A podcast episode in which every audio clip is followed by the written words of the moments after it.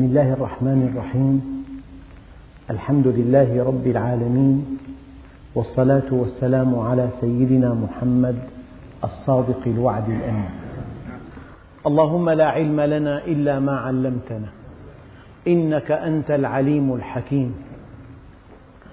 اللهم علمنا ما ينفعنا وانفعنا بما علمتنا وزدنا علما. وأرنا الحق حقا وارزقنا اتباعه وأرنا الباطل باطلا وارزقنا اجتنابه واجعلنا ممن يستمعون القول فيتبعون أحسنه وأدخلنا برحمتك في عبادك الصالحين. أيها الإخوة المؤمنون مع الدرس الرابع والخمسين من دروس سورة البقرة ومع الآية الخامسة والستين بعد المئة. وهي قوله تعالى ومن الناس من يتخذ من دون الله أندادا يحبونهم كحب الله والذين آمنوا أشد حبا لله. ولو يرى الذين ظلموا إذ يرون العذاب أن القوة لله جميعا وأن الله شديد العقاب. أولا كلمة ومن الناس هذه المن للتبعيض. عود نفسك أن تتخلق بآداب القرآن. لا تعمم لا تطلق لا تقل كل أهل هذه البلدة شاردون. قل بعضهم بعض منهم في أي حكم تدلي به؟ كن موضوعيا. النقطة التي يلتقي بها العلم بالأخلاق هي الموضوعية. الموضوعية قيمة علمية وهي في الوقت نفسه قيمة أخلاقية. العلم يلتقي مع الأخلاق بهذه القيمة. إن سئلت عن إنسان أذكر ما له وما عليه. لا تذكر ما عليه فقط إن كنت خصما له. ولا تذكر ما له إن كنت محبا له. أذكر ما له وما عليه. النبي عليه الصلاة والسلام رأى صهره مع الأسرى أسر يوم بدر. لماذا جاء؟ جاء ليحارب النبي. ولو تمكن لقتل النبي. قبض عليه أسيرا. فلما نظر النبي عليه الصلاة والسلام إليه قال كلمة منصفة. قال والله ما ذممناه صهرا. صهر ممتاز.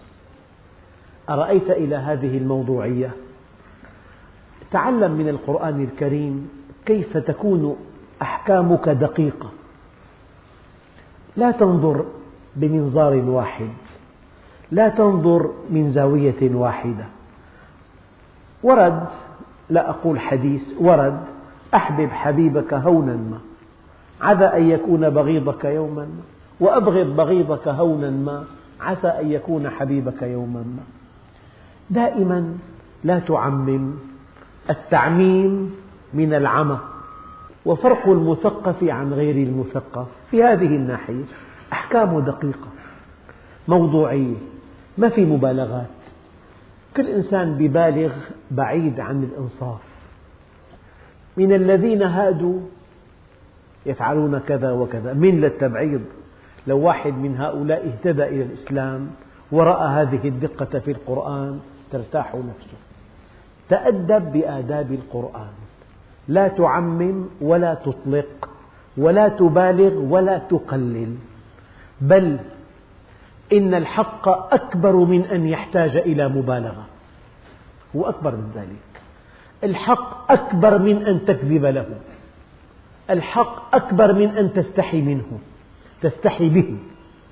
الحق أكبر من أن يخشى البحث الحق لا يخشى البحث ولا يستحيا به والحق لا يحتاج إلى أن تكذب له ولا أن تصغر من خصومه ولا أن تبالغ. الحق هو الله قوي بذاته. لذلك أنت كمسلم ادع إلى الله فقط. الحق قوة من دون أي شيء آخر. كن منضبطا بكل القوانين والأنظمة. لكن كلمتك هي القوية. الحق غذاء للنفوس. قال تعالى ومن الناس. أما كلمة الناس يا أيها الناس اعبدوا ربكم. الله عز وجل خاطب الناس تارة وخاطب المؤمنين تارة أخرى. حتى إن بعض العلماء قالوا إن الله خاطب الناس بأصول الدين وخاطب المؤمنين بفروع الدين. كيف؟ يا أيها الذين آمنوا اتقوا الله وكونوا مع الصادقين. قل للمؤمنين يغضوا من أبصارهم. يعني يا من آمنت بالله خالقا وربا ومسيرا. يا من آمنت به موجودا وواحدا وكاملا. يا من آمنت أن الأمر كله بيده. يا من آمنت أن منهجه هو المنهج الصحيح. يا من آمنت أن طاعته هي المسعدة. إذا الله قال لك يا أيها الذين آمنوا يعني كل حجم إيمانك وكل تفاصيل إيمانك وكل مرتكزات إيمانك يجب أن تذكرها حينما تؤمر بكذا.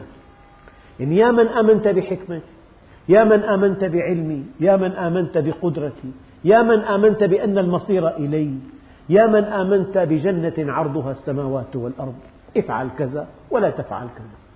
فالله عز وجل إذا خاطب المؤمنين يخاطبهم بتفاصيل الشريعة. أنه آمن بالله. الإنسان بعد أن يؤمن يجب أن يبحث عن شيء واحد فقط. بعد أن يؤمن الإيمان الذي يحمله على طاعة الله. الإيمان الذي لا يحملك على طاعة الله إيمان لا قيمة له. إيمان لا ينجي. الإيمان الذي له قيمة والذي ينجيك هو الذي يحملك على طاعة الله. يعني مثلا معرفتك بأضرار الدخان إن لم تحملك على ترك الدخان لا قيمة لها. أما معرفتك بأضرار الدخان إذا حملتك على ترك التدخين هي معلومات جيدة ومنجية. وهكذا. فكل إيمان لا يؤدي بك إلى طاعة الله لا قيمة له. إيمان إبليسي. آمن بالله عزيزا وآمن بالله خالقا خلقتني من نار وخلقته من طين. ربي آمن به ربا فبعزتك آمن به عزيزا. أنظرني إلى يوم يبعثون آمن باليوم الآخر. ولكن مجمل هذا الإيمان ما حمله على طاعة الله أبى واستكبر. إذا لا قيمة لهذا الإيمان. وكل إنسان يقول لك أنا مؤمن والحمد لله والله مؤمن يا أخي. تبحث في تفاصيل حياته. لا ترى فيها انضباطا أبدا ولا ورعا ولا التزاما. أنا يعني يخطر في بالي أن هذا الإيمان إيمان إبليسي. يعني عرف وانحرف غير المغضوب عليهم ولا الضالين. من هم المغضوب عليهم؟ هم الذين عرفوا وانحرفوا. من هم الضالون؟ هم الذين ما عرفوا وانحرفوا. النبي عليه الصلاة والسلام فيما تروي كتب الحديث أرسل سيدنا معاذ إلى قبيلة ليعلمهم.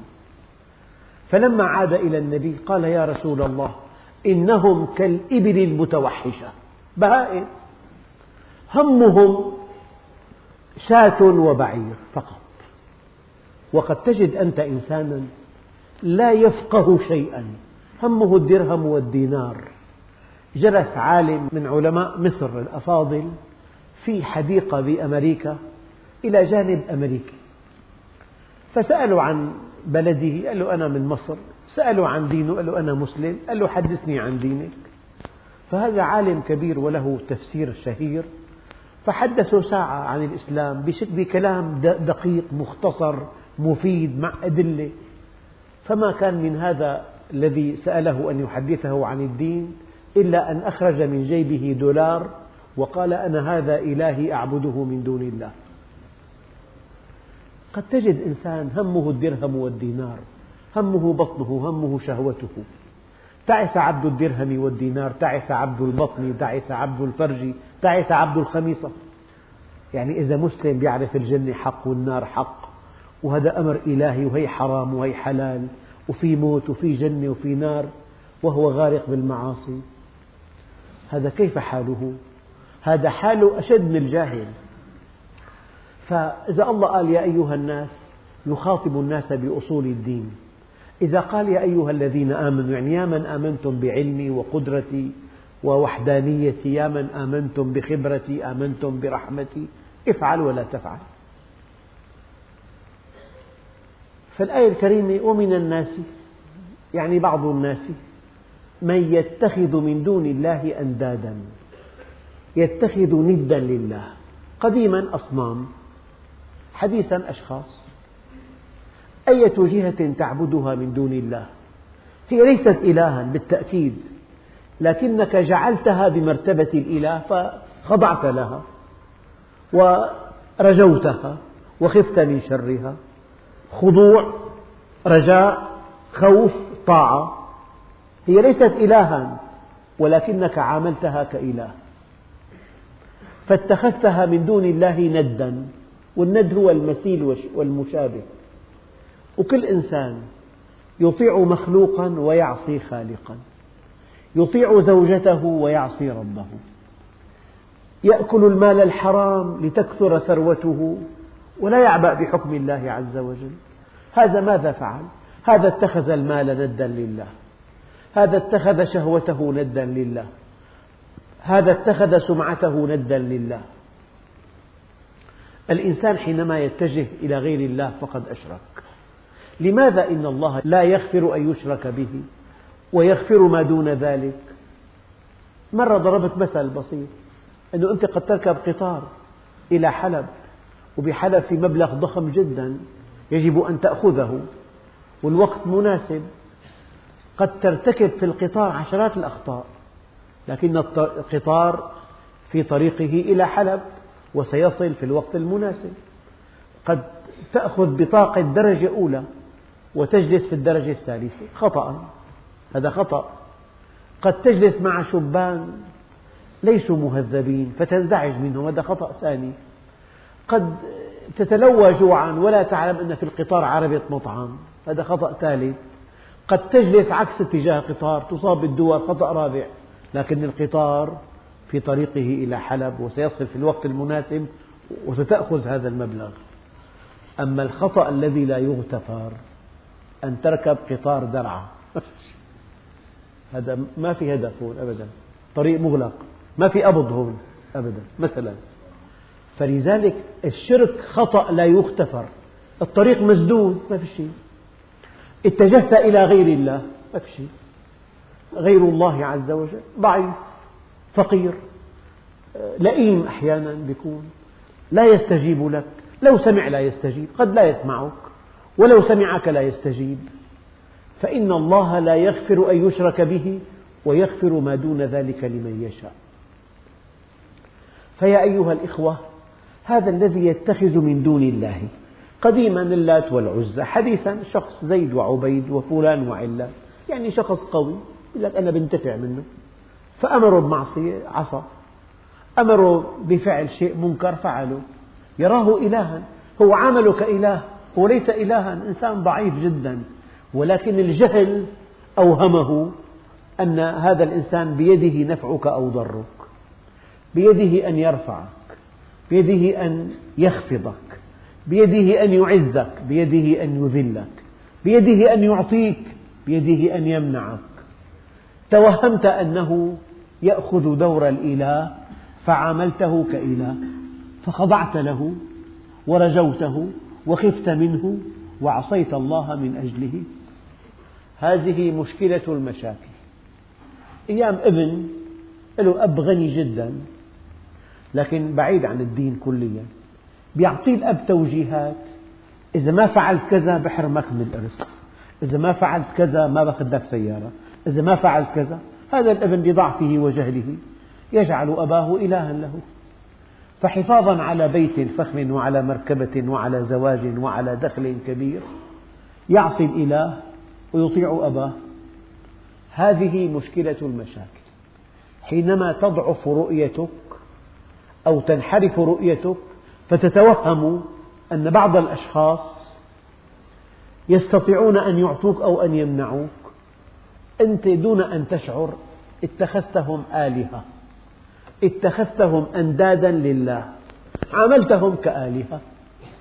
رجوت خيرهم وخفت من شرهم وأطعتهم وعصيت الله عز وجل.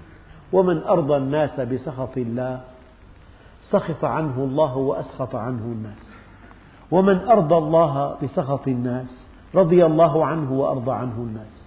الدين كله كلمة واحدة. الدين توحيد. لا إله إلا الله. لا مسير لا معطي لا مانع لا معز لا مذل لا مسعد لا مشقي لا خافض لا رافع أبدا. ما في إلا الله.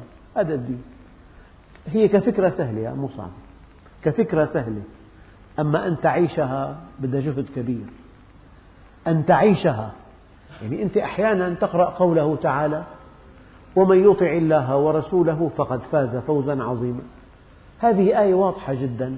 لا تحتاج لا إلى تفسير ولا إلى شيخ ولا واضحة.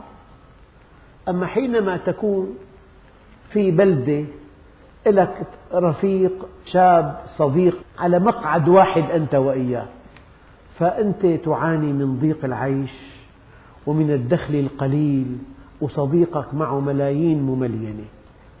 هو غارق في الزنا والفجور والخمر والنساء والسفر.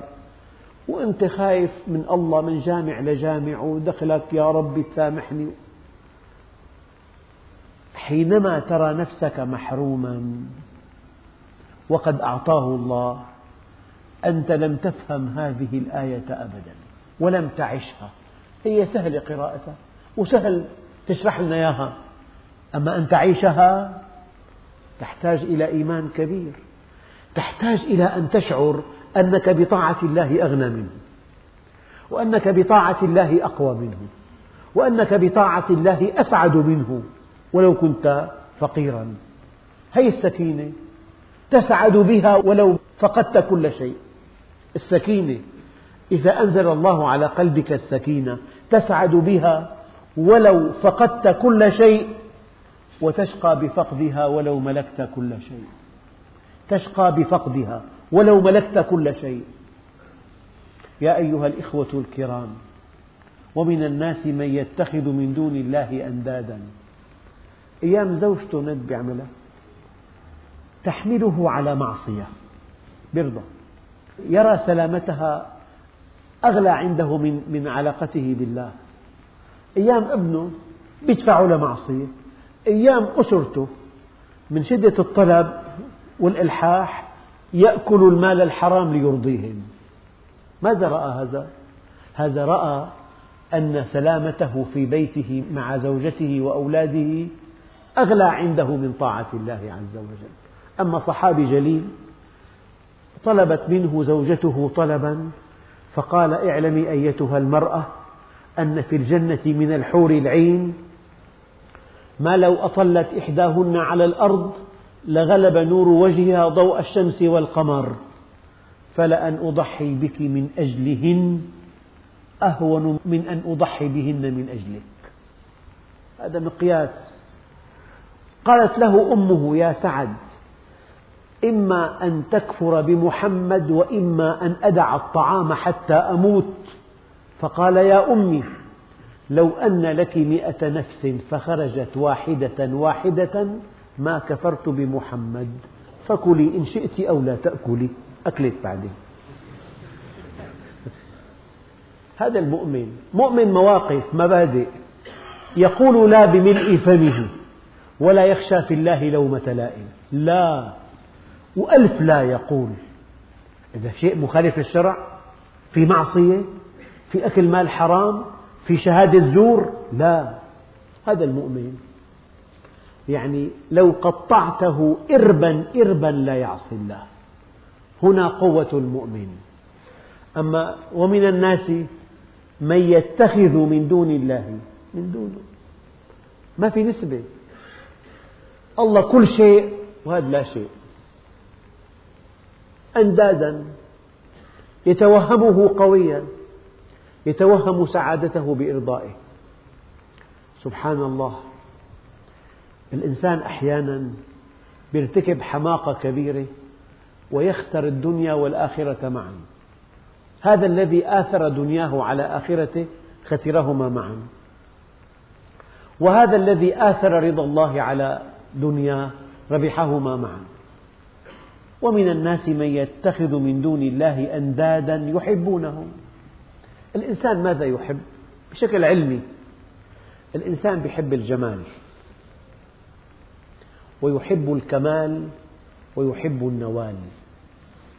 إذا إنسان أعطاك مبلغ ضخم جدا حليت به كل مشاكلك وكان هو قميء القامة ألا تحبه على دمامته؟ ما بتنام الليل تذكره على دمامته. أعطاك مال. الإنسان يحب الكمال. لو الكمال ما أصابه يحب الكرم يحب الشجاعة يحب الحلم يحب العدل. يحب الكمال ويحب الجمال ويحب النوال. فهؤلاء يحبونهم كحب الله. يعني يحبونهم حبا يشبه حب المؤمنين لله. يعني بصراحة المؤمن لا يليق به أن يكون لغير الله. لا ينبغي للمؤمن أن يكون لغير الله هو لله وحده. ومن يرغب عن ملة إبراهيم إلا من سفه نفسه. يعني الإنسان حينما يكون لغير الله يحتقر نفسه. لا يعرف قدرها. هانت عليه نفسه فكان لغير الله. هانت عليه نفسه فكان لغير الله. أنت الله عز وجل خلقك. إنسان أول مخلوق مكرم. أنت لله. لا تكن تابعا لإنسان كن تابعا لله عز وجل. فهؤلاء الأنداد يحبونهم حبا يشبه حب المؤمنين لله. يعظمونهم يخافونهم يرجون ما عندهم يعصون الله من أجلهم. هكذا. وهذه أكبر المصائب أن تكون خطأ لإنسان. فاستخف قومه فأطاعوه إنهم كانوا قوما فاسقين. هان أمر الله عليهم فهانوا على الله. هذا ملخص الملخص. حال المسلمين الآن هان أمر الله عليهم فهانوا على الله. احتفالات أعراس كسب مال تجارات بيوت. صرعات العصر كلها بيوت. ما عندهم شيء حرام. بس عندهم صلاة وصوم وحج وزكاة. الإسلام العظيم يلي هو خمسمئة ألف بند منهج تفصيلي صفي خمسة بس. يعني بتلاقي حياته في واد والإسلام في واد. بيته أولاده بناته زوجته دخله تجارته ما في مشكلة أبدا. دار نشر بروج كتاب كله كفر. بيقول لك مصلحتي هي شو بيساوي مطعم ببيع خمر. لك خمس نجوم مطعم ما بدك. يعني بيعمل دعاية أيام كلها نساء كاسيات عاريات. بيصلي أول بأول صف. كيف متوازن؟ كيف جمعت بين النقيضين؟ والله قال لي شخص قال لي أنا والله عندي مطعم بس ببيع خمر. إن شاء الله برقبة شريكي شو دخلني أنا؟ هو فكرة توازن بهالطريقة أنه حطها برقبة خلاص. فهذا الإنسان اللي يطيع مخلوقا ويعصي خالقا يطيع زوجته ويعصي ربه يطيع شريكه ويعصي خالقه يطيع أولاده ويغضب ربه يكسب المال الحرام ليرضي أسرته. وهذه لا تنفعه عند الله شيئا. من هنا قال الله عز وجل يا أيها الذين آمنوا إن من أزواجكم وأولادكم عدوا لكم فاحذروه. يوم القيامة العلماء قالوا هذه عداوة مآل وليست عداوة حال بالحال زوجته يحبها حبا جما وأولاده. أما يوم القيامة حينما يرى أنه استحق دخول النار بسببهم عندئذ يعاديهم. حينما يوضع الرجل في النعش وتمشي الجنازة هكذا ورد في الأثر ترفرف روحه فوق النعش. تقول يا أهلي يا ولدي جمعت المال مما حل وحرم فأنفقته في حله وفي غير حله فالهناء لكم والتبعة علي. وين رايح يا أخي؟ والله بالحرف الواحد وإن كان كلمة قبيحة. قال له رايح اسكر على روح أبيك ترك له أموال طائلة وما ما عرفه بالله عز وجل. فهذا المال بين يديه حمله على المعاصي والآثام. لذلك أندم الناس رجل. دخل ورثته بماله الجنة ودخل هو بماله النار. ممكن. الواحد يورث أولاده مال وفير أولاده صالحون فدخلوا بهذا المال الجنة هو جمعه من حرام فدخل به النار. وقد تقف فتاة يوم القيامة تقول يا رب لا أدخل النار حتى أدخل أبي قبلي. ما عرفها بالله ما حملها على طاعة الله. قضية خطيرة جدا. أنا بعيد هالفكرة مرات عديدة. في كلام تستمع إليه وتتثاءب وتنام بعده. كلام تافه بيكون. وفي كلام تستمع إليه فلا تنام بعدها الليل لأن هذا الكلام يضعك أمام مسؤولياتك. أفمن هذا الحديث تعجبون وتضحكون ولا تبكون وأنتم سامدون؟ هناك كلام يجب أن يبكي له الإنسان. هذه الآية أيها الإخوة مهمة جدا؟ ومن الناس من يتخذ من دون الله أندادا يحبونهم كحب الله.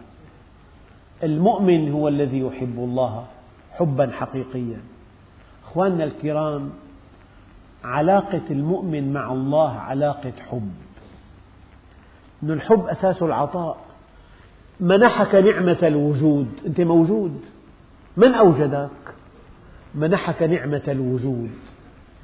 أمدك بكل ما تحتاج أمدك بالهواء أمدك بالماء أمدك بزوجة بأولاد ببيت بحرفة تكسب منها رزقك. أعطاك ذاكرة أعطاك قوة أعطاك قلب رئتين دسامات كليتين أجهزة كلها كاملة. فالمؤمن يحب الله عز وجل. منحه نعمة الوجود نعمة الإيجاد ونعمة الإمداد ونعمة الهدى والرشاد. يعني يحبون هؤلاء الأنداد الصغار الحقيرين. يحبونهم كما يحب المؤمن ربه. حب طاعة حب انقياد حب خوف حب رجاء هكذا. لذلك إذا رأيت إنسان يحب جهة ما من دون الله كحبه لله ابكي عليه. مسكين يعني ضيع عمره سدى جعل نفسه سيئة من سيئات فلان.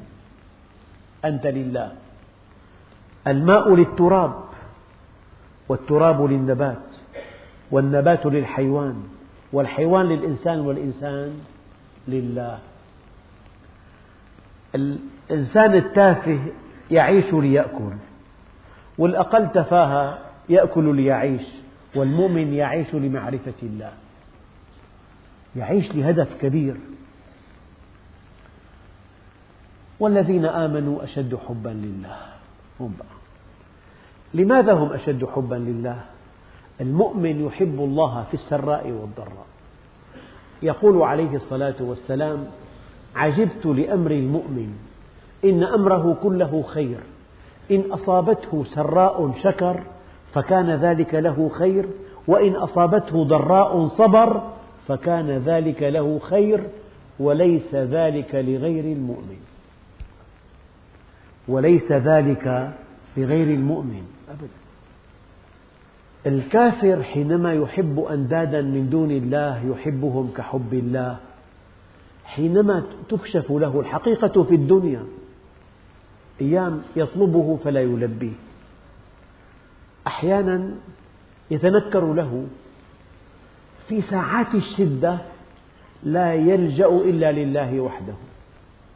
يعني مرة حدثني صديق طائرة تقل خبراء من بلد انهار الآن من بلد, من بلد شعاره لا إله. ما في إلا الله لا إله. هؤلاء خبراء نشأوا على الإلحاد فالطائرة دخلت في سحابة مكهربة ومنخفضات كثيرة فاضطربت اضطرابا شديدا لدرجة أنها كادت تسقط. فما كان من هؤلاء الخبراء الملحدين إلا قالوا يا الله عند الشدة لا تذكروا إلا الله. يعني أريد أن أوضح لكم أن الشرك نوعان جلي وخفي. قلما نجد شركا جليا في العالم الإسلامي. والحمد لله. لكن ما أكثر ما نجد شركا خفيا. وما يؤمن أكثرهم بالله إلا وهم مشركون. هذا متكئ على إنسان وهذا على إنسان قوي وهذا يطيع مخلوقا ويعصي خالقا وهذا يرى أن هذا المال خير له من طاعة الله فيغش المسلمين وهذا يكسب المال الحرام ليرضي زوجته وأولاده. هذا بشكل قطعي اتخذ من دون الله أندادا فحملوه على معصية الله أحبهم كما ينبغي أن يحب المؤمن ربه فأطاعهم وخاف من شرهم ورجى ما عندهم. هذه المشكلة وهذه مشكلة العالم الإسلامي اليوم. مليار ومئتين مليون ليس أمرهم بيدهم وليست كلمتهم هي العليا ولأعدائهم عليهم ألف سبيل وسبيل لأنهم أضاعوا الصلاة واتبعوا الشهوات فسوف يلقون غيا وقد لقي المسلمون ذلك الغي الآن دققوا ولو يرى الذين ظلموا ظلموا أنفسهم. يعني أنت خيرناك بين تأخذ جوهرة حقها 150 مليون دولار وبين تأخذ فحمة حقها قرشين فاخترت الفحمة. كنت أضرب مثل يعني طريف يعني قطرميز هيك حقه 20 ليرة. جنبه كاسة كريستال حقها ألف ليرة. إلى جانبه جوهرة حقها 150 مليون. هناك نقي نقيت قطرميز استكبرته. معنا تعبان الحالة كثير. ما في إنسان ما بيحب بس من هو البطل الذي ينتقي محبوبا لا يموت؟ الذي ينتقي شيئا أبديا؟ يعني بالتعبير العام يعرف نقي بس. كل إنسان بيحب وكل إنسان يبحث عن سلامته وسعادته. بس اعلم علم اليقين أن سعادتك بطاعة الله والشقاء بمعصيته.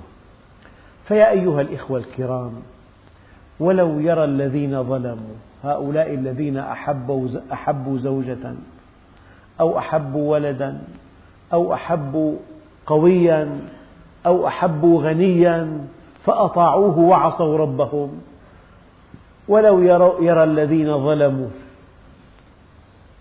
إذ يرون العذاب. هون في نقطة مهمة. أنت لماذا أطعت هذا؟ لأنك توهمت أنه قوي وأنك إن عصيته أوقع بك الأذى الشديد الذي لا يحتمل وأنك إن أطعته أعطاك الدنيا. لأن لأنك تراه قويا قويا في ماله أو قويا في عقابه فأطعته. لكنك يا أيها الذي فعلت هذا لو ترى مصيرك بين يدي الله وكيف أن هذا القوي معك في العذاب وقودها الناس والحجارة. إنكم وما تعبدون من دون الله. حصب جهنم. أنتم لها واردون. وقال الشيطان لما قضي الأمر إن الله وعدكم وعد الحق ووعدتكم فأخلفتكم. وما كان لي عليكم من سلطان إلا أن دعوتكم فاستجبتم لي فلا تلوموني ولوموا أنفسكم. ما, أن ما أنا بمصرخكم وما أنتم بمصرخي. إني كفرت بما أشركتموني من قبل. ماذا يفعل الإنسان؟ فأما من أوتي كتابه بيمينه فيقول هاؤم اقرءوا كتابي. إني ظننت أني ملاق حسابي. فهو في عيشة راضية في جنة عالية قطوفها دانية. كلوا واشربوا هنيئا بما أسلفتم في الأيام الخالية. وأما من أوتي كتابه بشماله فيقول يا ليتني لم أوت كتابية ولم أدر ما حسابية. يا ليتها كانت القاضية. ما أغنى عني مالية. هلك عني سلطانية. خذوه فغلوه. ثم الجحيم صلوه. ثم في سلسلة ذرعها سبعون ذراعا فاسلكوه. هذا الذي فعلته من أجل الدنيا زالت عنك الدنيا وبقي العذاب. قال المؤمن لما يأتيه ملك الموت ويرى مقامه في الجنة يقول لم أر شرا قط بنسى كل متاعب الحياة. والكافر حينما يرى مكانه في النار عند النزع الأخير يقول لم أر خيرا قط. يا بني سيدنا علي يقول ما خير بعده النار بخير وما شر بعده الجنة بشر. وكل نعيم دون الجنة محقور وكل بلاء دون النار عافية. ولو يرى الذين ظلموا إذ يرون العذاب إن إلينا إيابهم ثم إن علينا حسابهم. ولو يرى الذين ظلموا إذ يرون العذاب أن القوة لله جميعا. هذا الذي أطعته خوفا من بطشه لم يستطع أن ينقذك من النار هو معك في النار مثلا. شيء لا يحتمل. ولو يرى الذين ظلموا إذ يرون العذاب أن القوة لله جميعا. يعني إذا كان توسعنا قليلا أو فهمنا الآية فهما إشاريا قوة الجمال عند الله وقوة الكمال عند الله وقوة النوال عند الله والله هو كل شيء. فإن أحببت هذه طمعا في جمالها. لو علمت أن السكينة التي تتنزل على قلبك وأنت مع الله تفوق أضعاف أضعاف لذة النظر إليها. حينما تغض بصرك عن محاسن امرأة لا تحل لك يورثك الله حلاوة في قلبك هي أضعاف مضاعفة من لذة النظر لو نظرت إليها. تركت شيئا لله فعوضك الله خيرا منه. في دينك ودنياك. حينما تدع مال حرام وتقول معاذ الله الله الغني إن لم يكن بك غضب علي فلا أبالي ولك العتبى حتى ترضى لكن عافيتك أوسع لي. إذا كان الطريق إلى القوة هو المعصية ترى الضعف وسام شرف لك. إذا كان الطريق للمال هو المعصية ترى الفقر وسام شرف ترضى بفقرك. طبعا إذا إنسان ربى ثروة قال له واحد كنت أنا موظف بسيط؟ ما يكفي راتبي يومين ثلاثة. فتح خمس بيوت دعارة صار في عنده دخل فلكي مثلا. فيك تحسده على شيء؟ مرحبا بالفقر. إذا كان طريق الغنى هكذا. طبعا إذا كان طريق القوة أن أعيش على أنقاض الناس أن أعيش على همومهم أن أعيش على كوارثهم. فالمؤمن عنده نظرة ثاقبة جدا.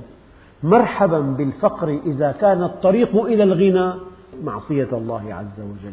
ومرحبا بالضعف إذا كان طريق القوة معصية الله عز وجل. لا يغرنك تقلب الذين كفروا في البلاد متاع قليل ثم مأواهم جهنم وبئس المهاد.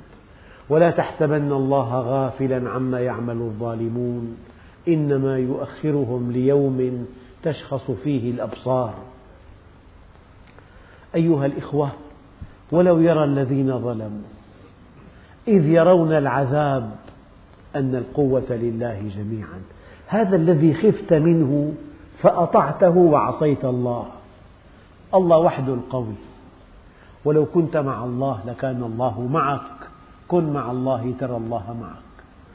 وقال أصحاب موسى بالمنطق بالمعطيات الواقعية فرعون بقوته وبطشه وجبروته وجنده وآلياته وراء سيدنا موسى وأصحابه. والبحر أمامهم كن واقعي في أمل الأمل صفر. وقال أصحاب موسى إنا لمدركون. قال كلا إن معي ربي سيهدين. والله عز وجل أمره بضرب البحر فأصبح طريقا يبسا سيدنا يونس في بطن الحوت في أمل بالنجاة. يعني إذا واحد وعد ببطن حوت كان راكب سفينة وغرق فيها وإجا حوت حوت الأزرق هذا. لقمة واحدة حطوا في أمل. فنادى في الظلمات أن لا إله إلا أنت سبحانك إني كنت من الظالمين فاستجبنا له. ونجيناه من الغم وكذلك ننجي المؤمنين. اقرأوا القرآن يا أخوان. كلام الله هذا. هل هناك مصيبة أشد من أن تجد نفسك فجأة في بطن الحوت؟ في الليل في ظلمة البحر وظلمة الليل وظلمة بطن الحوت. نادي ربك قل يا رب لا إله إلا أنت سبحانك إني كنت من الظالمين. والله في أخ صار معه ورم خبيث ودعا الله عز وجل دعاء من أعماق قلبه وتصدق بكل ما يملك. وبعد أربعة أشهر ذهب إلى بلد غربي ليجري عملية ميؤوس من نجاحها فمعه التقارير معه الصور فحصوا. فكان كلام الطبيب أن هذه الصور ليست لهذا الإنسان. ما في شيء قصة واقعية. قال لهم الطبيب في بريطانيا هذه الصور وهذه التحاليل ليست لهذا الإنسان. هي له. أنت عم تنادي خالق الكون. أنت عم تنادي كل شيء بيده. نمو الخلية بيده. الدسام بيده. لمعة الشريان بيده. العصب بيده. الخسرة بيده. كله بيده. زوجتك بيده. ابنك بيده. أقوى منك بيده. دونك بيده. كله بيده. فلما أنت بتوحد عم ترتاح. فلا تدع مع الله إلها آخر فتكون من المعذبين. ولو يرى الذين ظلموا إذ يرون العذاب أن القوة لله جميعا وأن الله شديد العذاب. يعني إذا واحد ورط واحد بالتهريب وقام علق أخذوه على السجن كم يحقد على هذا الذي ورطه؟ فلا تكون ضحية أحد أنت. لا تكون غلط إنسان لا تكون سيئة إنسان لا تكون مجير لإنسان أنت لله عز وجل. كن لله وحده. هي آية توحيد هي. ولو يرى الذين ظلموا إذ يرون العذاب أن القوة لله جميعا. وأن الله شديد العذاب. إذ تبرأ الذين اتبعوا من الذين اتبعوا. لك ما أنت قلت لي؟ وين عقلك كان؟ بيشمت فيه كمان. يعني هي الحقيقة موضوع الندم شيء لا يحتمل. إنسان ورطك أوقعك بشر عملك وتبرأ منك. إذ تبرأ الذين اتبعوا من الذين اتبعوا ورأوا العذاب وتقطعت بهم الأسباب. وقال الذين اتبعوا لو أن لنا كرة فنتبرأ منهم كما تبرأوا منا. كذلك يريهم الله أعمالهم حسرات عليهم. قال العلماء الحسرة حينما تقع في مشكلة لا حل لها. تأتي الحسرة ما دام في أمل ما في حسرة ما في أمل. كذلك يريهم الله أعمالهم حسرات عليهم وما هم بخارجين من النار. فيا أيها الإخوة لا طاعة لمخلوق في معصية الخالق. لا تكن مجيرا لإنسان. لا تكن ذنب إنسان. لا تكن سيئة إنسان. لا تكن محسوبا على إنسان. كن لله الواحد القهار. أطع ربك ولا تعبأ بأحد. لا تأخذك في الله لومة لائم. ليس إلا الله. بيده كل شيء. إليه يرجع الأمر كله. فاعبده وتوكل عليه. ما أمرك أن تعبده إلا بعد أن طمأنك. أن الأمر كله بيد الله. وهذا الموقف موقف في في تخلي إنسان اتبعته وعظمته. وعصيت الله من أجله. وفي النهاية ما دافع عنك ولا نجاك من عذاب مقيم. هذا ألم لا يحتمل. وفي درس قادم إن شاء الله نتابع هذه الآيات والحمد لله رب العالمين.